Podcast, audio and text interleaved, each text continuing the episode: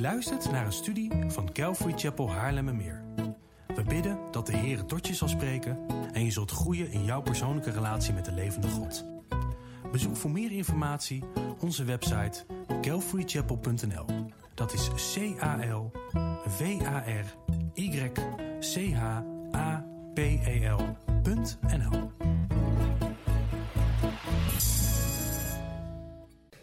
Nou, nogmaals hartelijk welkom in de Calvary Chapel. Uh, ik had het net gezegd, Happy New Year, maar ik wil jullie toch een gezegend en God-erend uh, nieuwjaar toewensen. Um, ik verwacht echt dat God ons dit jaar wederom zal gaan verrassen. En dat doet, dat doet God heel goed. Hij verrast ons altijd uh, met, met mooie dingen, soms met wat mindere mooie dingen, maar dat wordt uiteindelijk wel een mooi ding. Dus ik verwacht dat God ons dit jaar wederom gaat verrassen met alles dat Hij ook gewoon in ons, onder ons en, en door ons heen naar de buitenwereld uh, dit jaar gaat doen. En vooral tot eer en glorie van Zijn naam. En ik geloof dat de, de Bijbelse waarheden in de preek van vandaag, van vanmorgen, hierin een sleutelrol zullen gaan spelen. Dus laten we vanmorgen even al onze gedachten, alles dat ons in, in onze gedachten bezighoudt, loslaten. En laten we oren hebben om te horen wat de geest van God tot ons vanmorgen door zijn woord te zeggen heeft. Nou, persoonlijk ben ik niet zo'n voorstander van het nemen van uh, goede voornemens bij de jaarwisseling. Uh, want ja, na gemiddeld drie weken um, ja, houdt de doorsnee mens zich toch niet langer aan zijn of haar goede voornemens. Dus uh, voor mij heeft dat weinig zin. Ik heb wel wat goede voornemens, maar die spreek ik liever niet uit, anders houden jullie mij er ook aan. En, dus het is wel goed om dat te doen, maar zeg het gewoon niet aan een ander. Dus nee, grapje. Um, wij, wij houden ons daar gewoon niet aan, het is lastig. Maar weet je, bij God is dat anders. God heeft ook goede voornemens. Alleen is God niet zo wispelturig zoals wij dat zijn. God houdt zich voor 100% aan zijn voornemens. En hij maakt uh, gewoon af waaraan hij is begonnen. Aan het begin van uh, de tweede brief van, Timotheus, uh, van Paulus aan Timotheus moedigt Paulus Timotheus aan om standvastig te worden en standvastig te blijven in het evangelie. En in dit schriftgedeelte, zien jullie hier iets op het scherm? Ja. In dit schriftgedeelte schrijft Paulus onder andere over Gods voornemen. Dus als je Bijbel bij hebt, laten we de Bijbel openslaan op 2 Timotheus hoofdstuk uh, 1 en dan vanaf vers 1 tot en met 10. Ik heb het trouwens ook hier op het scherm. Oh nee, toch niet. Dit, niet dit stukje, sorry. Grapje. Paulus, door de wil van God een apostel van Jezus Christus, met het oog op de belofte van het leven dat in Christus Jezus is. Aan Timotheus, mijn geliefde zoon, genade, barmhartigheid en vrede zij u van God de Vader en van Christus Jezus, onze Heer. Ik dank God, die ik van mijn voorouders aan dien met een rein geweten, terwijl ik zonder ophouden aan u denk in mijn gebeden, nacht en dag. Wanneer ik aan uw tranen denk, verlang ik er vurig naar u te zien om met blijdschap vervuld te worden. Daarbij herinner ik mij het ongeveinsde geloof dat in u is en dat eerst gewoond heeft, gewoond heeft in uw grootmoeder Lois en in uw moeder Eunike. En ik ben, ervan, ik ben ervan overtuigd dat het ook in u woont. Daarom herinner ik, ik u eraan de genadegave van God die in u is, door oplegging van mijn handen aan te wakkeren. Want God heeft ons niet gegeven een geest van vreesachtigheid, maar van kracht en liefde en bezonnenheid. Schaam u dan niet voor het getuigenis van onze Heer en ook niet voor mij, zijn gevangene, maar leid met mij verdrukking om het evangelie overeenkomstig de kracht van God. Hij heeft ons zalig gemaakt en geroepen met een heilige roeping, niet overeenkomstig onze werken, maar overeenkomstig zijn eigen voornemen en genade die ons gegeven is in Christus Jezus voor de tijden der eeuwen. Maar nu is geopenbaard door de verschijning van onze zaligmaker Jezus Christus, die de dood niet gedaan heeft en het leven en de onvergankelijkheid aan het licht gebracht door het evangelie tot zover. Het gaat mij vooral in dit stuk om vers 9. waarin staat dat, ehm, even kijken hoor, hij heeft ons zalig gemaakt en geroepen met een heilige roeping, niet overeenkomstig onze werken, maar overeenkomstig zijn eigen voornemen en genade, die ons gegeven is in Christus Jezus voor de tijden der eeuwen. Dus in dit vers schrijft Paulus dat God de wedergeboren christen gered en geroepen heeft met een heilige roeping overeenkomstig Gods eigen voornemen. En dit voordat de tijd begon. Nou, als God mij, als God mij voordat de tijd begon, overeenkomstig zijn eigen voornemen gered en geroepen heeft, dan betaamt het mij om daar heel goed en gewoon heel serieus over na te denken. Want dat is nogal wat. Als je daarbij stilstaat. Dat voor de tijd begon, God voornemens was om mij te redden en te roepen. Als je daar echt bij stilstaat, dan, dan, ja, dan zeg je, zoals ze in het Engels zeggen, dan then you get blown away. Want dat is heel wat. Nou, hierover valt ontzettend veel te zeggen, maar omwille van de tijd wil ik me nu slechts beperken tot wat uh, dit vanuit Gods oogpunt betekent. He, dus niet wat, wat, wat ik, wat mijn rol hier per se in is, maar wat, God, wat Gods rol is.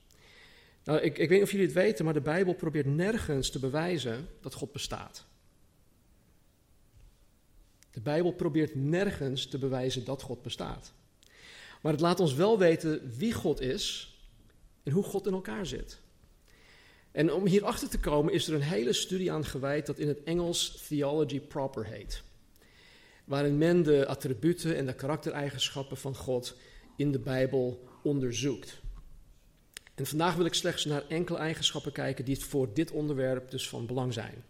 Nou, ten eerste kan de God van de Bijbel niet liegen. En er staat in Numeri 23, God liegt niet, zoals de mensen. Hij verandert niet van gedachten, zoals wij. Zou hij ooit iets beloven en het nalaten, iets aankondigen en het niet laten doorgaan? Rhetorische vraag, maar het antwoord is nee dus. God liegt niet. En in Samuel, 1 Samuel 15, en bedenk wel, de heerlijkheid van Israël, dat is God, liegt niet en kent geen berouw. Hij is immers geen mens dat hij terug zou komen op een besluit. Even verderop in Titus 1. Van Paulus, dienstknecht van God en apostel van Jezus Christus, om Gods uitverkorenen te brengen tot het geloof en de kennis van de ware godsdienst, in de hoop op het eeuwig leven. Al lang geleden heeft God, die niet liegt, dat beloofd. En dan als laatste in Hebreeën hoofdstuk 6. God heeft ook een eed afgelegd om duidelijk te maken dat hij niet anders kan dan zijn woord houden. Hij wilde dat de mensen aan wie hij de belofte deed niet zouden twijfelen. Omdat God een belofte heeft gedaan en een eed heeft afgelegd, valt er aan zijn woorden niet te twijfelen. Daarbij is het uitgesloten dat hij zou liegen. Dat geeft moed en hoop aan ieder die naar hem vlucht om gered te worden. Zowel het Oud Testament als ook het Nieuw Testament leert ons dat God niet liegen kan. Het zit niet in zijn natuur om te kunnen liegen.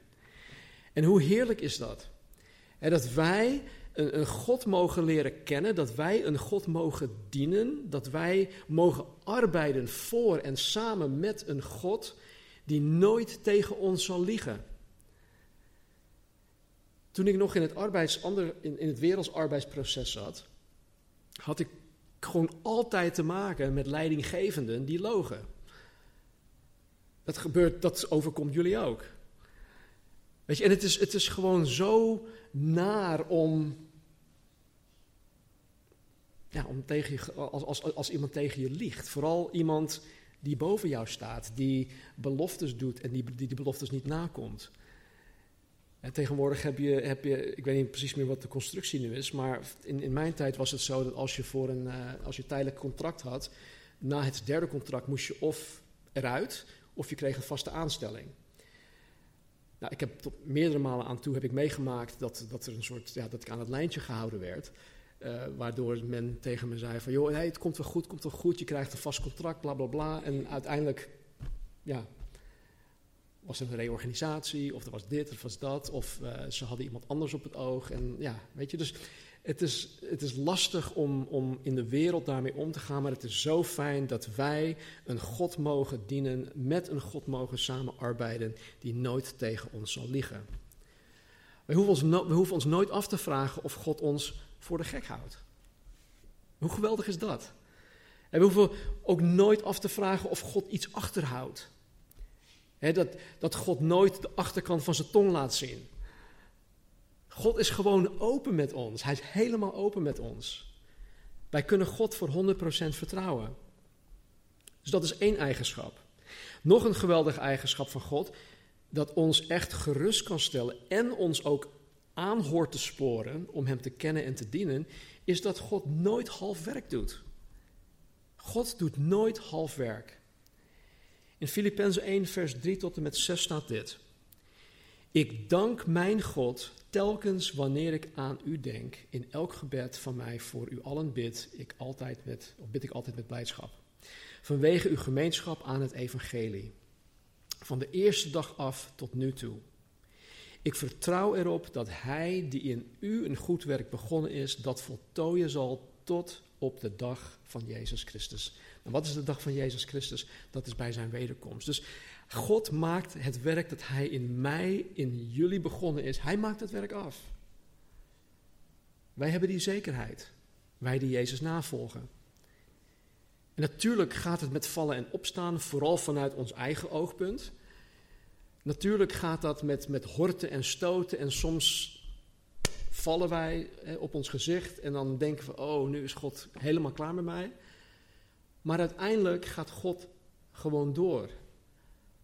Hij zegt tegen mij: Stan, kom op, sta op, we gaan verder. En zo is God. Hij maakt het af. In Hebreeën 12, 1 en 2 staat wel nu dan. Laten ook wij, nu wij door zo'n menigte van getuigen omringd worden, afleggen alle last en de zonde die ons zo gemakkelijk verstrikt. En laten wij met volharding de wedloop lopen die voor ons ligt. Terwijl wij het oog gericht houden op Jezus, de leidsman en wat? Voleinder van het geloof. In 1 Korinthe hoofdstuk 1 vers 8. God zal u ook bevestigen tot het einde toe. Hij zal ons staande houden. Hij zal ons, uh, naar wat hier staat, bevestigen. Zodat u onberispelijk zult zijn op de dag van onze Heer Jezus Christus. Weet je, ik kan echt niet wachten totdat ik verheerlijk ben. Want een van de, de meest geweldige dingen, denk ik, wat de eeuwigheid betreft, is dat er geen zonde meer zal zijn. Ik hoef niet langer met mijn eigen zonde te worstelen. Ik, ik, hoef niet langer met jullie zonde te worstelen. En hoe heerlijk zal dat zijn om gewoon in een, in een milieu te zijn waar er geen zonde aanwezig is. Onberispelijk. In Johannes hoofdstuk 10 spreekt Jezus tegen de, de, de fariseeën en de schriftgeleerden. En hij heeft het over ehm, zijn stem wel of niet, niet verstaan, of niet, niet kunnen verstaan. Hij heeft het over wel of niet uh, bij hem horen. En dan zegt hij in uh, hoofdstuk 10, vers 27 tot en met 30. Mijn schapen, zegt Jezus, dus mijn schapen horen mijn stem en ik ken ze en zij volgen mij. En ik geef een eeuwig leven en ze zullen beslist niet verloren gaan in eeuwigheid en niemand zal ze uit mijn hand rukken. Mijn vader die hen aan mij gegeven heeft, is meer dan allen. En niemand kan hen uit de hand van mijn vader rukken. Ik en de vader zijn één. Er zit zoveel in hier, in dit stuk. Maar het mij vandaag om gaat, is dat niemand ons uit zijn hand zal rukken. Wij zijn veilig in Gods hand. God maakt zijn werk af. En de versen die ik dus net genoemd heb, die verzekeren ons dat God bij machten is om de wedergeboren christen te behouden. Dat niemand, maar dan ook niemand, niet hier op aarde, ook niet in de hemelse gewesten, het werk van God in de wedergeboren christen kan tegenhouden. Dat God zijn werk in de wedergeboren christen ook af zal maken, totdat hij of zij overstapt naar de eeuwigheid. Of totdat Jezus Christus de gemeente opneemt. Wat een heerlijke en geruststellende gedachte. En in de tussentijd zal God alles doen meewerken ten goede, ten eeuwige goede, zelfs de meest afgrijzelijke dingen die in dit leven voorkomen. Het leven is niet makkelijk en we zullen op een gegeven moment met, met, met narigheid te maken krijgen. de, de dood van een, een, een ouder of een broer of een zus of een kind of kanker, noem maar op. Het hoort bij dit leven in deze gevallen wereld, na de zondeval. Maar hoe wij als wedergeboren christen daarmee omgaan, is heel wat anders dan hoe de wereld die God niet kent daarmee omgaat. En met al deze dingen doet God alles meewerken ten eeuwige goede. Staat in Romeinen 8, 28. En wij weten dat voor hen die God liefhebben, alle dingen meewerken ten goede. Voor hen namelijk die overeenkomstig zijn voornemen geroepen zijn.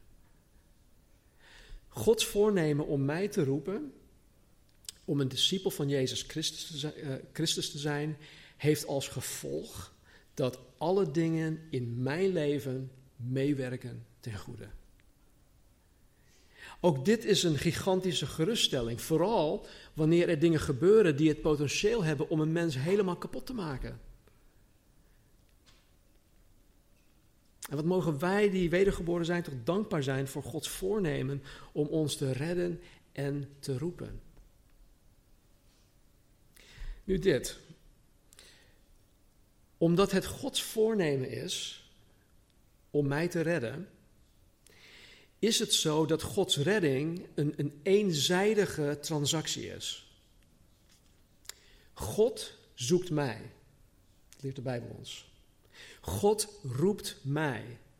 God schenkt zijn genade aan mij. God geeft mij het geloof. God brengt mijn wedergeboorte tot stand. En God vervult mij met zijn Heilige Geest, waardoor ik überhaupt een christen kan zijn. En dit is, dit is alleen mogelijk omdat God het initiatief genomen heeft om zijn zoon Jezus Christus naar de aarde toe te sturen om mijn zonde op zich te nemen en voor mijn zonde aan het kruis te sterven, waardoor ik als zijn discipel geheel vrijgesproken ben van al mijn zonden. Ik hoef daar niet eens over na te denken. Ik hoef daar niet langer aan te twijfelen. Ben ik nou wel vergeven of niet? God heeft mij vergeven van al mijn zonden. In het verleden en in de toekomst. Al mijn zonden. En dit alles is omdat God een goed voornemen had om mij te redden. Het is zijn voornemen die dit tot, stand heeft gebracht. Ik heb totaal geen inbreng in dit reddingproces. Het komt geheel uit God. Hij heeft ons zalig gemaakt en geroepen met een heilige roeping. Niet overeenkomstig onze werken, met andere woorden, het is niet omdat ik zo'n geweldig iemand ben dat God mij heeft geroepen. Hij heeft niet zo rondgekeken, oh die Sten, nou, die vind ik wel leuk. Ja, nou jou wil ik wel hebben. Nee, hij heeft, voordat de tijd begon, was hij al voornemens om mij te redden en te roepen. Dus niet overeenkomstig onze werken, maar overeenkomstig zijn eigen voornemen en genade die ons gegeven is in Christus Jezus voor de tijden der eeuwen. God heeft mij niet alleen zalig gemaakt, God heeft mij niet alleen gered, maar God heeft mij ook geroepen met een heilige roeping, overeenkomstig zijn eigen voornemen. En waar ik zelf dus geen inbreng heb in Gods redding, reddingproces, vereist Gods heilige roeping, waarmee ik door God geroepen ben, een respons. Dus ik kon niks toevoegen om gered te worden. Maar eenmaal gered, vereist dat een respons van mij. Nou, nu is het zo dat God de mens tot velelei dingen roept of oproept. De Bijbel zit vol met Gods roepingen en oproepingen. En God roept ons bijvoorbeeld op tot geloof. God roept ons om Jezus na te volgen. God roept ons om Hem trouw te zijn, om uh, vruchtbaar te zijn, om geestelijk vrucht te dragen in ons leven. God roept ons tot gehoorzaamheid, tot heiligheid, enzovoort, enzovoort. Ga maar door. Maar waar ik nu naar wil kijken is het allereerste en het voornaamste waar God een discipel van Jezus Christus toeroept. En dat is te vinden in Romeinen hoofdstuk 12, vers 1. Paulus schrijft: Ik roep u er dan toe op, broeders en zusters, door de ontfermingen van God, om uw lichamen aan God te wijden als een levend offer. Heilig en voor God welbehagelijk, dat is uw redelijke godsdienst. Er staat dat Paulus ons er dan toe oproept. Het woord dan wijst terug op wat er hier voorgeschreven werd. En in de bredere context zou je kunnen zeggen dat dat Romeinen hoofdstuk 1 tot en met hoofdstuk 11 is. Dat is de bredere context.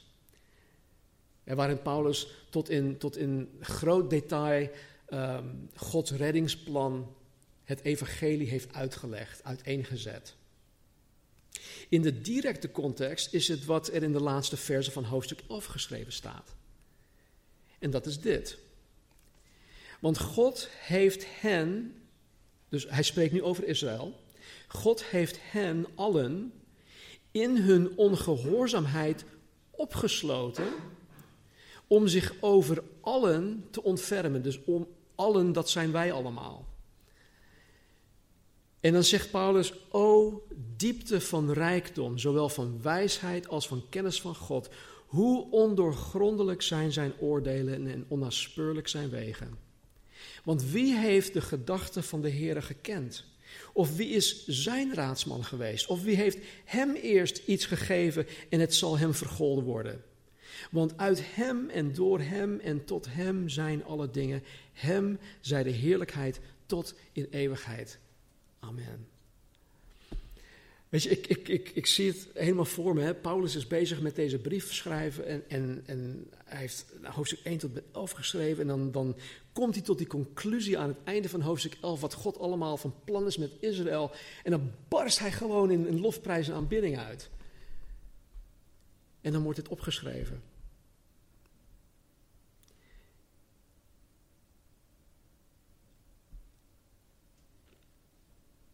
En dan schrijft hij in hoofdstuk 12 dit, wat ik net gelezen heb. Ik roep u er dan toe op, broeders, door de ontfermingen van God, om uw lichamen aan God te wijden als een levend offer. Heilig en voor God welbehagelijk. Dat is uw redelijke godsdienst. De oproep van Romeinen hoofdstuk 12, vers 1 is op basis van Gods voornemen en het is op basis van alles dat God voor ons gedaan heeft door zijn ontferming over ons. En het is om onze lichamen, dus ons hele wezen, aan God te wijden als een levend offer. We hebben de afgelopen paar maanden gezien dat God in het Oude Testament het offersysteem in het leven heeft geroepen. Het eerste offer dat genoemd wordt in Leviticus hoofdstuk 1 is het brandoffer. En er staat er dat, dat elke ochtend en elke avond een brandoffer door de priesters um, geofferd moest worden. En het dier werd geheel op het brandofferaltaar verbrand. En het ging op in rook, wat een aangename geur voor de Heer was. Maar Alhoewel de priesters twee keer per dag een brandoffer brachten, konden de gewone mensen, hè, dus buiten de tabernakel, het volk, dan konden de gewone mensen vrijwillig, vrijwillig ook brandoffers brengen aan de Heer. Het ging natuurlijk wel via de priesters, maar zij konden naar de tabernakel toe komen om te zeggen van luister, ik wil zo graag een brandoffer aan de Heer offeren. En dan kwamen ze met hun, hun dier om dat aan God te offeren. En zij deden dit om aan te tonen dat zij zichzelf geheel aan de Here gaven. En dit is dan ook precies wat Paulus voor ogen heeft wanneer hij Romeinen 12 vers 1 schrijft. Zoals het hele dier geofferd werd, zodat er niets van overbleef, roept God ons als wedergeboren christen op om onszelf geheel aan de Here over te geven. Opdat ook niets van ons eigen ik, ons eigen ik, overblijft.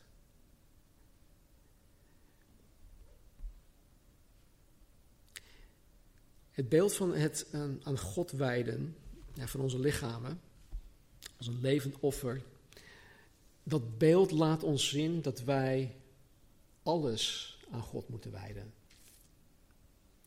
En vaak is het zo dat wij, en dit, ik, ik, ik deel dit uit eigen ervaring, vaak is het zo dat wij God een bepaald deel van ons leven wel willen geven, maar niet alles. Wij willen liefst iets voor onszelf houden. En soms zijn het dingen die we niet eens met andere mensen delen. Het is lekker mijn ding, dit hou ik lekker voor mezelf. Maar God die doorgrondt ons natuurlijk, hij ziet door, dwars door ons heen en hij weet precies wat wij nog terughouden. En daarom zegt Paulus, geef je gehele lichaam aan God, wijd het aan Hem als een levend offer. Nou, ik, ik kan hier vandaag niet al te diep op ingaan. Maar als je even aan je, je lichaam denkt, hè, van top tot teen. Wat houdt het offeren daarvan dan in? Hoe moet je dat gaan zien? Nou, ik, ik, zie, ik zie mezelf, ik plaats mezelf op het altaar. En als ik er geen zin meer in heb, dan kruip ik van het altaar af. Dan ga ik weer verder met mijn eigen ding. Zo zie ik dat. Maar denk even heel praktisch aan bijvoorbeeld je zintuigen. Dat behoort ook tot je lichaam. Als wij onze ogen aan God wijden, waar moeten wij dan wel naar kijken? En waar moeten wij dan niet naar kijken? Als wij onze oren geheel aan God wijden, waar moet ik dan wel naar luisteren? Waar moet ik dan niet naar luisteren? Ons offer moet heilig zijn. Dus geheel anders dan de wereld om ons heen. Ons offer moet ook voor God wel behagelijk zijn. Oftewel, wij moeten God met ons offer, met ons lichaam, een plezier doen. Er staat dat het wel behagelijk voor God. Wij moeten met, met ons offer God een plezier doen. En de vraag is dan, is het gebruik van mijn ogen en mijn oren heilig? Is God blij met wat mijn ogen zien en wat mijn oren horen? Weet je, het is, het is tegenwoordig bijna onmogelijk om bijvoorbeeld naar de bioscoop toe te gaan zonder dat ik me moet afvragen of Jezus met mij mee zou kunnen gaan.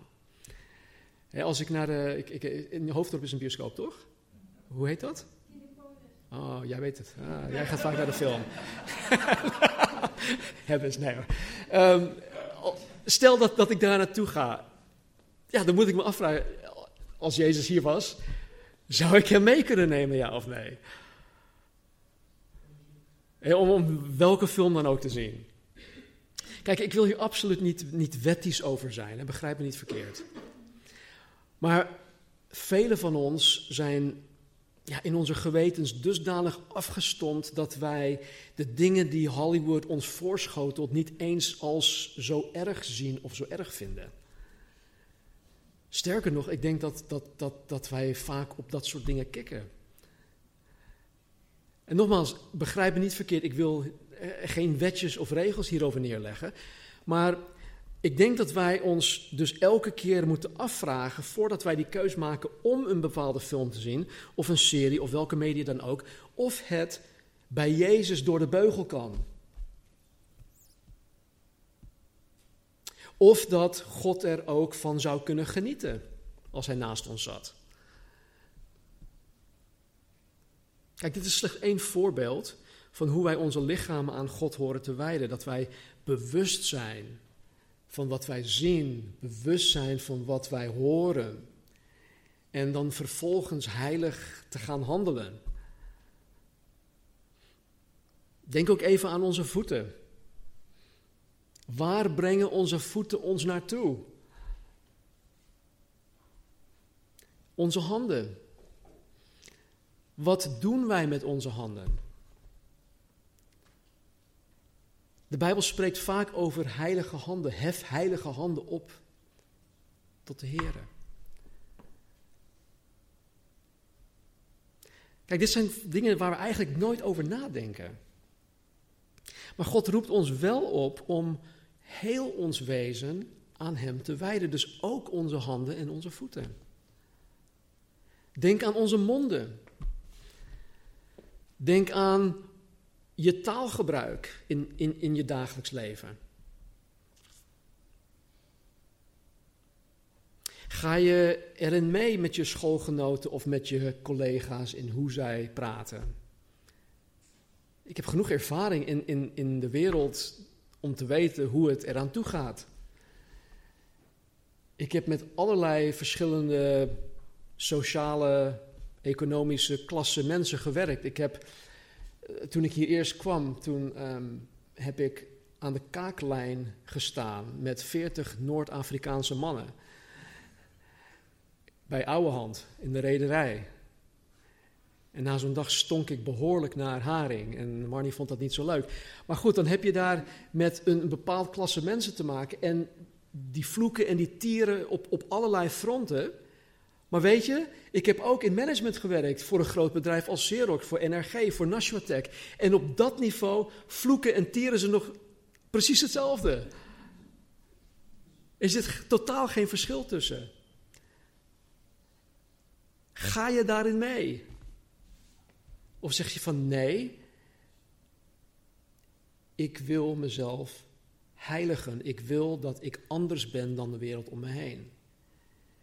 En dat wordt vaak niet in dank afgenomen. Je wordt vaak als een, een buitenbeentje beschouwd. Maar als er iets is dat in hun leven afspeelt, dan weten ze wel bij wie ze um, aan moeten kloppen. Weet je, dus onze getuigenis is, is heel belangrijk. En, en dus gaan wij mee met onze schoolgenoten of collega's in hoe zij praten? Of is je taalgebruik geheiligd? Denk ook vooral aan hoe je taalgebruik is wanneer dingen tegenzitten. Of wanneer, uh, wanneer je boos bent. Of als iets niet lukt. Mijn voorganger Chuck Smith die zei uh, altijd van ja, ik, uh, pas toen, toen, hij pas tot bekering kwam, had hij iets zo van: oh, ik, ik, ik ben voornemens om nooit meer te vloeken. Totdat hij met een hamer op zijn duim sloeg. Dus hoe gebruiken wij onze monden? Onze lichamen wijden aan God als een levend offer, heilig en voor God welbehagelijk, is onze redelijke godsdienst, staat hier. Ik krijg regelmatig te horen, ook van mensen hier, dat men niet weet wat God van hun wil. Wat wil God nou met mijn leven? Wat wil God nou met mij? En men weet niet waartoe God hem of haar geroepen heeft, of dat men niet weet wat hij of zij met zijn of haar leven moet doen om God te dienen. Wat wil God nou van mij? Nou, Romeinen 12.1 is het antwoord op deze vraag, op al deze vragen.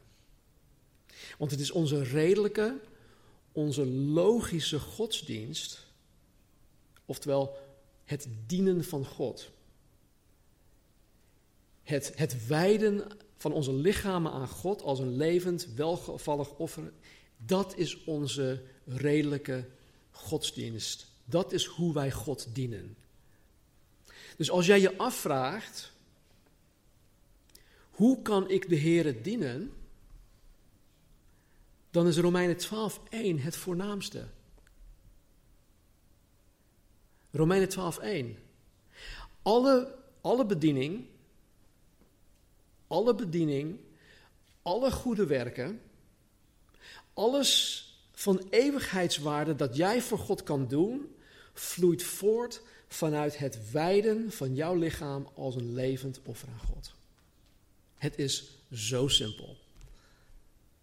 Dus als jij vanmorgen nog steeds met die vraag zit van, joh, ik weet niet wat God van mij wil, dan moet je jezelf afvragen, doe ik dit? Heb ik mijn lichaam aan God gewijd als een levend, welgevallig offer? Als jouw antwoord ja is, dan moet je verder gaan met vers 2. Als je antwoord daarop nee is, dan moet je ervoor zorgen dat hoofdstuk 12, vers 1 voor jou een doel is voor dit jaar. Want totdat dit bij jou landt, totdat jij dit toe-eigent en dit doet en bent, zal je je blijven afvragen wat God nou van jou wil. En wat God nou van jou vraagt. Dit is de voorwaarde, dit is de eerste vereiste. Dan sluiten we af met hoofdstuk 12, vers 2. En wordt niet aan deze wereld gelijkvormig, maar wordt veranderd door de vernieuwing van uw gezindheid om te kunnen onderscheiden wat de goede, welbehagelijke en volmaakte wil van God is. Kijk, wanneer wij onszelf geheel en heilig aan God offeren, dan zullen wij per definitie anders worden. Anders dan de wereld om ons heen. En het is, het, je gaat het ook merken in al je contacten. En met de wereld bedoelt de Bijbel niet ja, de, de, de mensen, want God heeft ook de wereld zo lief gehad. En God roept ons ook op om de wereld lief te hebben. Maar met de wereld in deze context bedoelt de Bijbel het wereldsysteem dat recht tegenover God staat. Het wereldsysteem dat volgens 1 Johannes 5:19 in de macht van de duivel is. Jezus zelf noemt de duivel de vorst van deze wereld. Wat is een vorst? Een vorst is een prins. Hij is degene die regeert over de wereld. Het is dus logisch voor de wedergeboren christen om niet aan deze wereld gelijkvormig te zijn. En hoe wij niet aan deze wereld gelijkvormig kunnen zijn, is door veranderd, oftewel hervormd te worden door het vernieuwen van ons denken.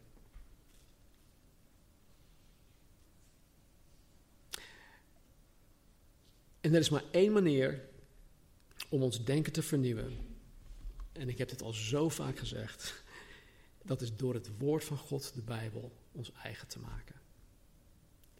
Niet voor niets schrijft Paulus in Colossense 3:16 om het woord van Christus in rijke mate in ons te laten wonen. En dit alles, dit alles doen wij om te kunnen onderscheiden wat de goede, welbehagelijke en volmaakte wil van God is. Nou, dit wordt vaak vertaald en onderwezen als het kunnen onderscheiden of het kunnen ontdekken wat Gods wil is voor ons leven. En ja, dat zou ik ook wel willen weten, als ik dat nog niet wist. Maar in de grondtekst heeft het woord onderscheiden een, een, een, ja, toch wel een andere betekenis dat niet in alle vertalingen of Nederlandse vertalingen tot uiting komt. Dat vind ik wel jammer. Want in de grondtekst betekent het woord dat hier vertaald wordt in onderscheiden, betekent het beproeven of bewijzen. Dat is toch iets anders. Dus wanneer wij van binnenin veranderd worden, wanneer wij van binnenin veranderd worden, wanneer ons denken vernieuwd wordt, dan wordt dat naar buiten toe bewezen. Met andere woorden, het, het werk van God in mij dat wordt voor jullie zichtbaar. Daarom, soms praat ik ook met mensen waarvan een, een, een, een, een partner, een man of vrouw of een kind of wie dan ook niet wedergeboren is. Maar als ik dan met die persoon die dus wel wedergeboren is praat, dan, ja, dan, en direct die vraag stel van, joh, maar is die persoon wel wedergeboren? Ja, hij gelooft wel. Ja, maar dat beantwoordt de vraag niet. Is hij wedergeboren? Ja, nou, ja, uh, jawel. Uh, ja, hij gelooft wel, maar op zijn eigen manier. Of haar eigen manier. En als ik dan doorvraag, wat is dan het bewijs? Wat is het zichtbaar bewijs in die persoon waarvan je kan zeggen, met 100% zekerheid kan zeggen, die persoon is wedergeboren door de geest van God. Ja, en dan valt dat verhaal over die persoon, dan vallen die mensen door de mand.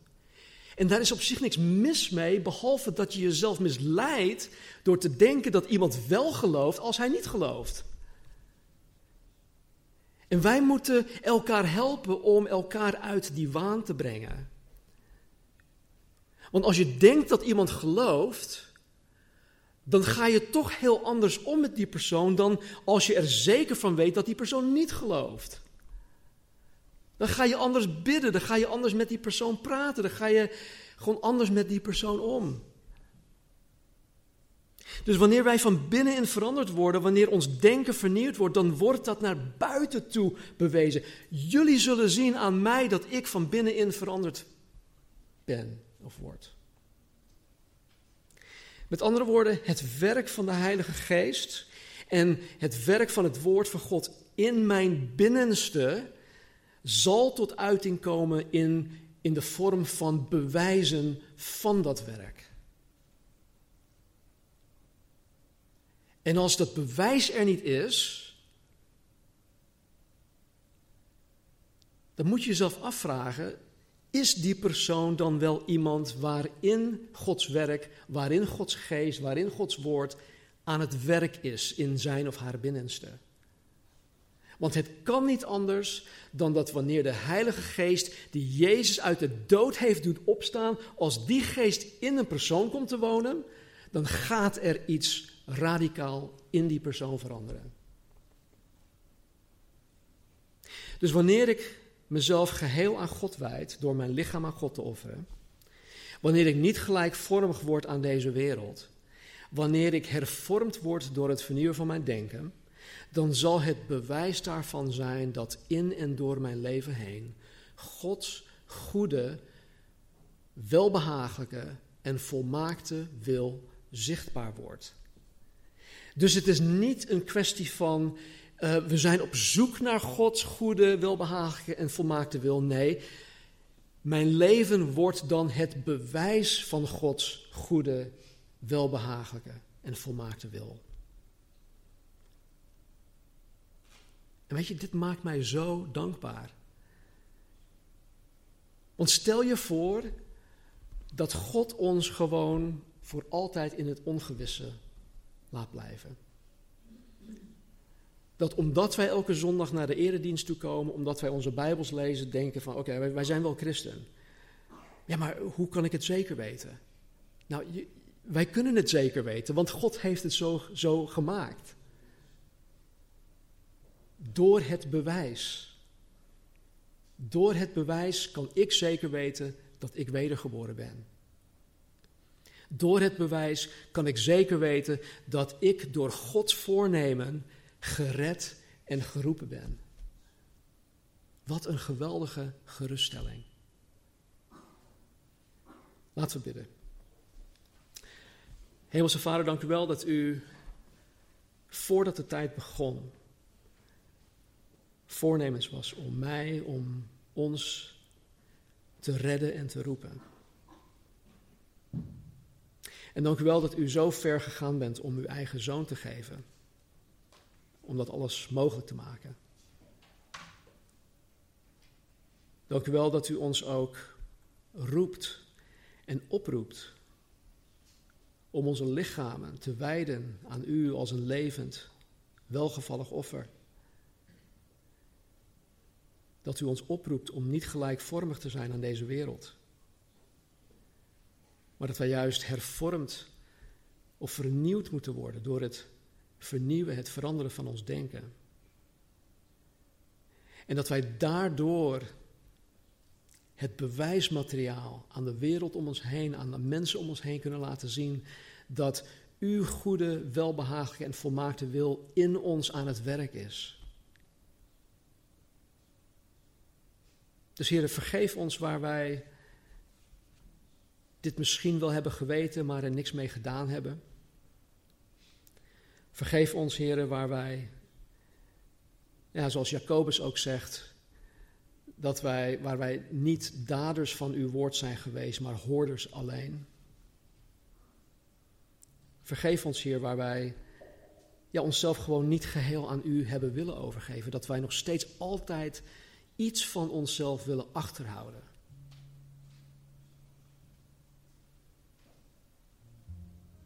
Help ons, Heer, om vandaag met een schone lei te beginnen. Heer, dat wanneer wij zometeen ook het heilige avondmaal nuttigen, dat wij ervan bewust zijn dat elke dag een nieuwe dag is en dat wij vandaag geheel opnieuw mogen starten. Dus vergeef ons voor alles dat achter ons ligt en geef ons vanmorgen een frisse start. Dat vragen wij in Jezus' naam. Amen. Wij vieren vandaag het heilige avondmaal, waarbij wij, waarbij wij stilstaan bij Gods voornemen. Het offer van Jezus Christus aan het kruis. En Jezus is in jouw plaats, is in mijn plaats aan het kruis gestorven voor, voor onze zonde. Want er is maar één ding dat tussen de mens en God instaat, en dat is de zonde. En God heeft daarmee gedeeld. Hij heeft dat uit de weg geruimd door zijn zoon voor ons te doen sterven aan het kruis. En Jezus heeft onze straf voor onze zonde op zich genomen. Waardoor wij die in Hem geloven, die Hem navolgen, verzoend zijn met God de Vader. Waardoor wij een persoonlijke relatie met de Schepper van hemel en aarde hebben en kunnen hebben. Wij ja, waarop Gods voornemen van toepassing is. En als je hierin gelooft, met heel je hart, zoals uh, Stefanus dat tegen de Ethiopiër zei. Als je dat gelooft met heel je hart, dan ben je van harte welkom om deel te nemen aan het Heilige Avondmaal. En ook al doe je dat voor het eerst. Misschien heb je zoiets van, joh, ik, ik ben niet waardig om deel te nemen aan het heilige avondmaal. Welcome to the club. Geen van ons is waardig om het deel te nemen aan het heilige avondmaal. Daarom heet het genade. Genade geeft ons wat wij niet kunnen verdienen. Wat wij niet waardig zijn. En God houdt zoveel van ons dat Hij deze radicale maatregelen heeft getroffen om de weg voor ons te banen tot God de Vader. Dus laat niets of niemand, ook de, de, de duivel niet, die misschien nu op dit moment in je oor zit te fluisteren van nee, jij moet dit niet doen. Laat niets jou tegenhouden. Want Jezus Christus die staat hier met open armen om jou te ontvangen. In 1 Korinthe hoofdstuk 11, um, ehm, tot 3, even kijken, 11, vers 23 tot 26, schrijft Paulus dat hij zelf van de Heer heeft ontvangen wat ik u ook heb overgeleverd. Dat de Heer Jezus in de nacht waarin hij werd verraden brood nam. En nadat hij gedankt had, brak hij het en zei: Neem, eet, dit is mijn lichaam dat voor u gebroken wordt. Doe dat tot mijn gedachtenis. Evenzo nam hij ook de drinkbeker na het gebruiken van de maaltijd en zei: Deze drinkbeker is het nieuwe verbond in mijn bloed. Doe dat zo dikwijls als u die drinkt tot mijn gedachtenis. Want zo dikwijls als u dit brood eet en deze drinkbeker drinkt, verkondigt de dood van de Heer totdat hij komt. Ja, wij mogen terugblikken op het kruis. Ja, wij moeten het kruis van Christus altijd voor ogen hebben. Maar we hebben nog een, een, betere, een beter toekomstperspectief. Jezus komt terug. Jezus komt terug. En als wij nu de, de krantenkoppen lezen, als wij nu zien wat er allemaal op deze aardbol gaande is, wat er nu dreigt te gebeuren misschien, dan kan het ons onrustig maken. Maar weet dat ons leven in de handen van God en in de hand van Jezus Christus is. En niemand kan ons uit zijn hand wegrukken. God maakt zijn werk in ons af. En weet je, het allerergste dat met mij kan gebeuren, is dat wanneer iemand mij doodsteekt, ik in de aanwezigheid van de Heer ben. Dus schiet me maar lek. Nee. André en het uh, aanbiddingsteam gaan zo meteen het uh, wat aantal liederen zingen. En dan, eh, ja, als je er klaar voor bent, neem de elementen. En als je dingen te beleiden hebt, beleid gewoon dingen tegen God. God staat echt gewoon te wachten op jou totdat je komt. Ja?